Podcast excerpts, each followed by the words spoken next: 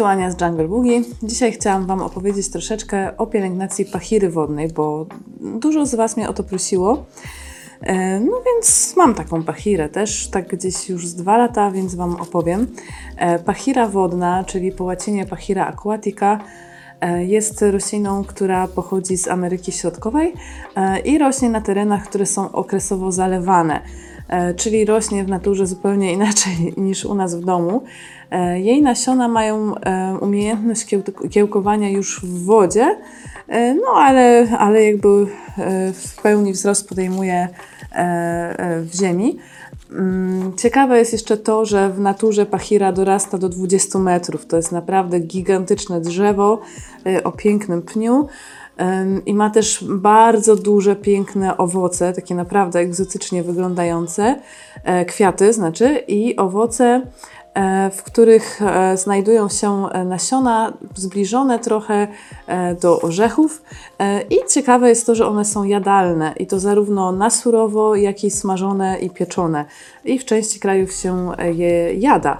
W warunkach domowych niestety pachira nie kwitnie, nie owocuje nasion nie zawiązuje, ale no i też nie dorasta do takich rozmiarów, zazwyczaj do 2 metrów. No więc to jest taka nasza wersja skromna domowa, ale jest to naprawdę przepiękna roślina i bardzo prosta w uprawie, dobrze sobie radząca w warunkach domowych, więc myślę, że warto się pokusić e, o taką pachirę. E, Ona nazywana jest też e, w krajach azjatyckich money tree, e, czyli drzewem pieniężnym. Jest uznawana za taki właśnie symbol e, dobrobytu, szczęścia e, i, właśnie e, w ten sposób e, no, no, no tak, się, tak się ją określa, więc e, jest bardzo popularna. E, Inna jej nazwa też to drzewo butelkowe. E, I na pewno zauważyliście, że e, w handlu często są dostępne pachiry o pniach splecionych w warkocz. E, No to jest tak, e, tak też na azjatycką modłę taki sposób e, prowadzenia roślin. Tak jak bonsai, ich ciągle, ciągłe tremowanie, tak samo właśnie te pnie się splata. Podobnie się robi czasami z pieńkami szeflery. No, wszystko kwestia gustu. Ja tam nie przypadam za takim czymś, bo no nie widzę potrzeby, żeby gdzieś tam rośliny jeszcze dodatkowo upiększać. Czasami się też zdarza tak, że te pnie w miarę jak, jak rosną, no to zaczynają się nawzajem w tych warkoczach zagłuszać i zaczynają na siebie uciskać, no bo przecież pnie grubieją. E, No i czasem jeden pęd może zaschnąć, a czasami nawet cała roślina obumrzeć. E, Ale no, jest to tak zwyczajowo robione, więc e, no słuchajcie, tak jest. Moja pachira nie ma pni związanych w warkocze. Zaraz Wam pokażę. O, takie pieńki. A, jeszcze ciekawe jest to, że, że zazwyczaj właśnie się ją sprzedaje z pięcioma e, pędami albo trzema, e, no nawiązując do szczęśliwych liczb też, także tutaj trochę ta numerologia też wchodzi w grę. No i teraz jeżeli chodzi o, o tą pachirę, jak sobie z nią w domu poradzić. E, Jest to roślina niewymagająca, która rośnie ładnie i bezproblemowo i rośnie bardzo szybko.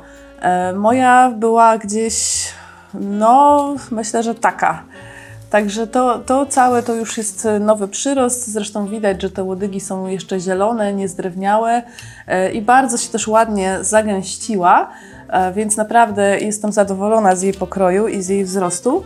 E, Z uwagi właśnie na to, że szybko rośnie i osiąga spore rozmiary, takie właśnie do 2 metrów, no to fajnie się sprawdza jako tak zwany soliter, czyli gdzieś tam ustawiona solo, najlepiej na podłodze czy na jakimś stojaku, no bo na parapecie szybko się przestaje mieścić e, i można sobie fajnie taką na przykład strefę relaksu zrobić w pobliżu pachiry, pod tymi pięknymi parasolowatymi liśćmi się schronić.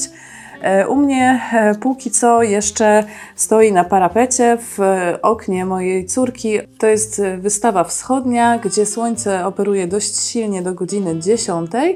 E, No a potem ma sporo światła takiego rozproszonego. I muszę powiedzieć, że dosyć jej tam jest dobrze. Rośnie ładnie. Jedno, co się zdarza, to czasami e, latem, kiedy jest naprawdę gorąco, no bo ona jest duża, więc siłą rzeczy liście dotykają szyby. E, I czasami, gdzie, kiedy jest lato i, i to, to słońce jest takie naprawdę intensywne, to część liści, które dotykają szyby, tu Wam urwę i pokażę, e, dostaje takich trochę, e, e, o tutaj to dobrze widać, takich plam poparzeń, ale to są pojedyncze liście, no i po prostu się tym nie przejmuję, bo na tyle tych przyrostów jest dużo, że no gdzieś tam się to, to gubi, no a wiecie, no jak to jest, no nie ma tak dużo idealnych miejsc w domu do, do tylu roślin, ile by się chciało mieć, więc się z tym po prostu godzę. E, Generalnie, jeżeli macie dla niej e, możliwość zapewnienia jej to takie stanowisko idealne, to jest miejsce bardzo jasne, z dużą ilością e, światła, ale najlepiej, żeby to światło było rozproszone, czyli żeby to bezpośrednie słońce jej e, nie dotykało. No i to jest kluczowe. Niestety to jest idealne stanowisko dla większości roślin e, tropikalnych, które mamy w domu, więc no wiadomo, że, że, że ciężko wszystkim dogodzić i wszystkim takie idealne warunki zapewnić. No ale starajcie się właśnie, żeby to było jasne miejsce bez mocnego światła. Na pewno nie będzie sobie radzić w ciemnym kącie. Ona tego światła potrzebuje dość sporo. W miejscach ciemnych e, liście mogą blednąć, żółknąć i opadać. No i wzrost może zostać e, zahamowany. E, Jeżeli chodzi o nawożenie, to nawozimy ją w sezonie wegetacyjnym, czyli od marca do września, października, standardowo, czyli albo to będzie nawóz do roślin zielonych, albo możecie naprzemiennie to stosować z biohumusem, czy z jakimś takim nawozem typu biobis. Jeżeli chodzi o podłogę, zimą nie nawozimy. E, i e, ona nie przechodzi jakiegoś takiego radykalnego spoczynku zimowego, natomiast właśnie zimą warto przestać ją nawozić i ograniczyć podlewanie, czyli zimą tak naprawdę skąpo podlewamy, nie nawozimy, e, staramy się, żeby w pomieszczeniu nie było zbyt gorąco. Jeżeli chodzi o podłoże, to dobrze rośnie u mnie, ma podłoże uniwersalne z perlitem, czyli ważne, żeby troszeczkę tą ziemię rozluźnić. E, Jeżeli nie perlit, to może być vermiculit, czy trochę keramzytu, czy piasku, żeby to podłoże takie było trochę luźniejsze. E, No i e, tutaj to, co Wam mówiłam, że w domu rośnie zupełnie inaczej niż w naturze. Właśnie nazwa wodna, pachira wodna i to, że rośnie na tych terenach zalewowych może nam sugerować i, i nas kusić do tego, żeby ją dużo podlewać, ale nie róbcie tego. Ona tego nie lubi. E, Może to w takich warunkach domowych doprowadzić do bardzo szybkiego gnicia korzeni, no i do śmierci całej rośliny.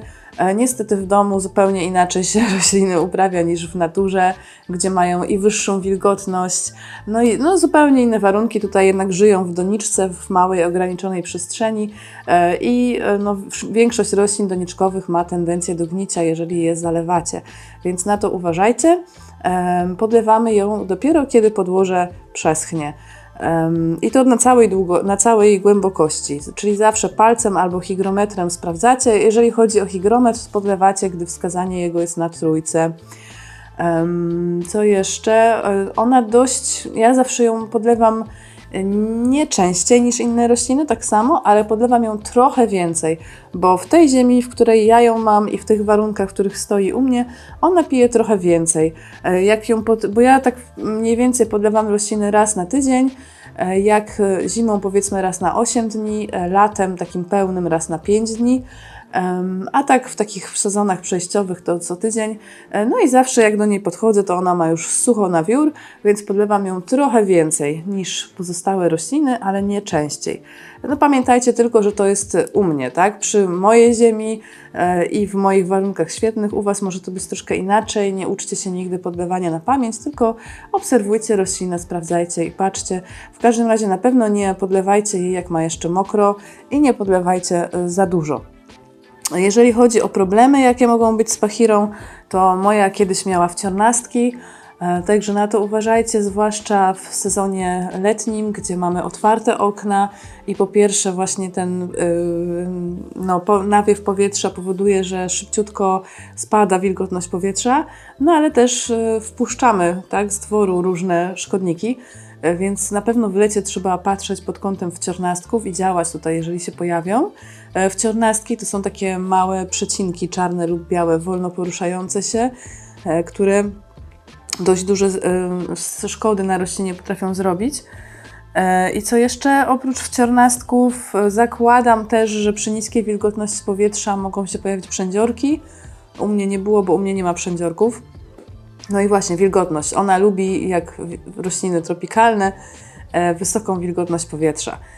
Nie jest taka bardzo wrażliwa na suche powietrze, jak powiedzmy kalatea, ale jeżeli mieszkacie w bloku, w nowym budownictwie, gdzie jest 40%, no to nie da rady i będziecie musieli pomyśleć o nawilżaczu powietrza. Gdzieś te 55-60% powinno być. E, Jeżeli też macie właśnie e, sucho i centralne ogrzewanie i dość gorąco zimą, no to też musicie patrzeć na wciornastki i przędziorki również zimą. U mnie zimą zawsze jest najbardziej wilgotno, więc tych szkodników zimą nigdy nie ma. One są zawsze latem, kiedy właśnie zaczynam wietrzyć i są upały.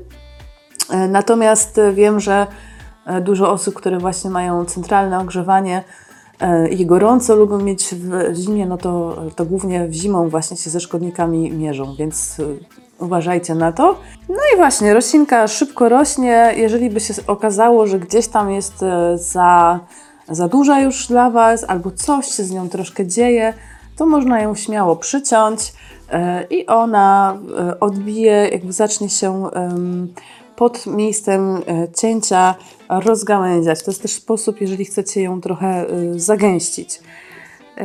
No chyba tyle. Nie, nie sprawia jakichś kłopotów, rośnie jak szalona. E, Tutaj u mnie bardzo ją lubię, bo e, no jest taka trochę, trochę właśnie się kojarzy z Dalekim Wschodem. E, No ładny ma ten pokrój, ładne ma liście, duże, ciemnozielone.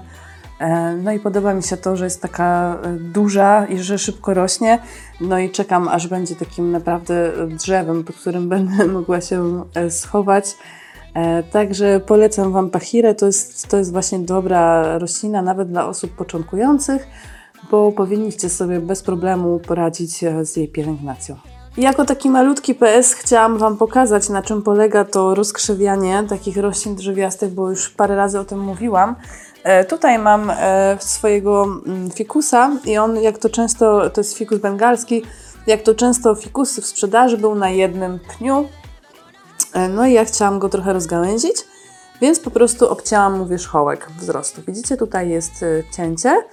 I teraz co się zadziało? Z węzła poniżej cięcia wyros, wyrosła odnoga boczna e, i z węzła jeszcze niższego wyrosła druga odnoga boczna. Więc zobaczcie, że zamiast już jednego takiego długiego patyka, tutaj się mi to rozgałęziło. Jako bonus tutaj jeszcze wyrosło dodatkowo. To się nie zawsze dzieje, ale dzieje się. No i w ten sposób możecie sobie rośliny formować. Jeżeli byście przycięli na przykład tutaj, no to z węzła poniżej Wam wyrośnie e, kolejna gałąź. Jeżeli utniecie tutaj, no to ona wyrośnie stąd albo stąd. E, I czasem też wtedy roślina odbija dodatkowo jeszcze przy samej ziemi, nie, za, nie zawsze, ale czasem. No i jeżeli chcecie właśnie mieć taki e, bardziej koronę rozłożystą, to w ten sposób możecie rośliny formować.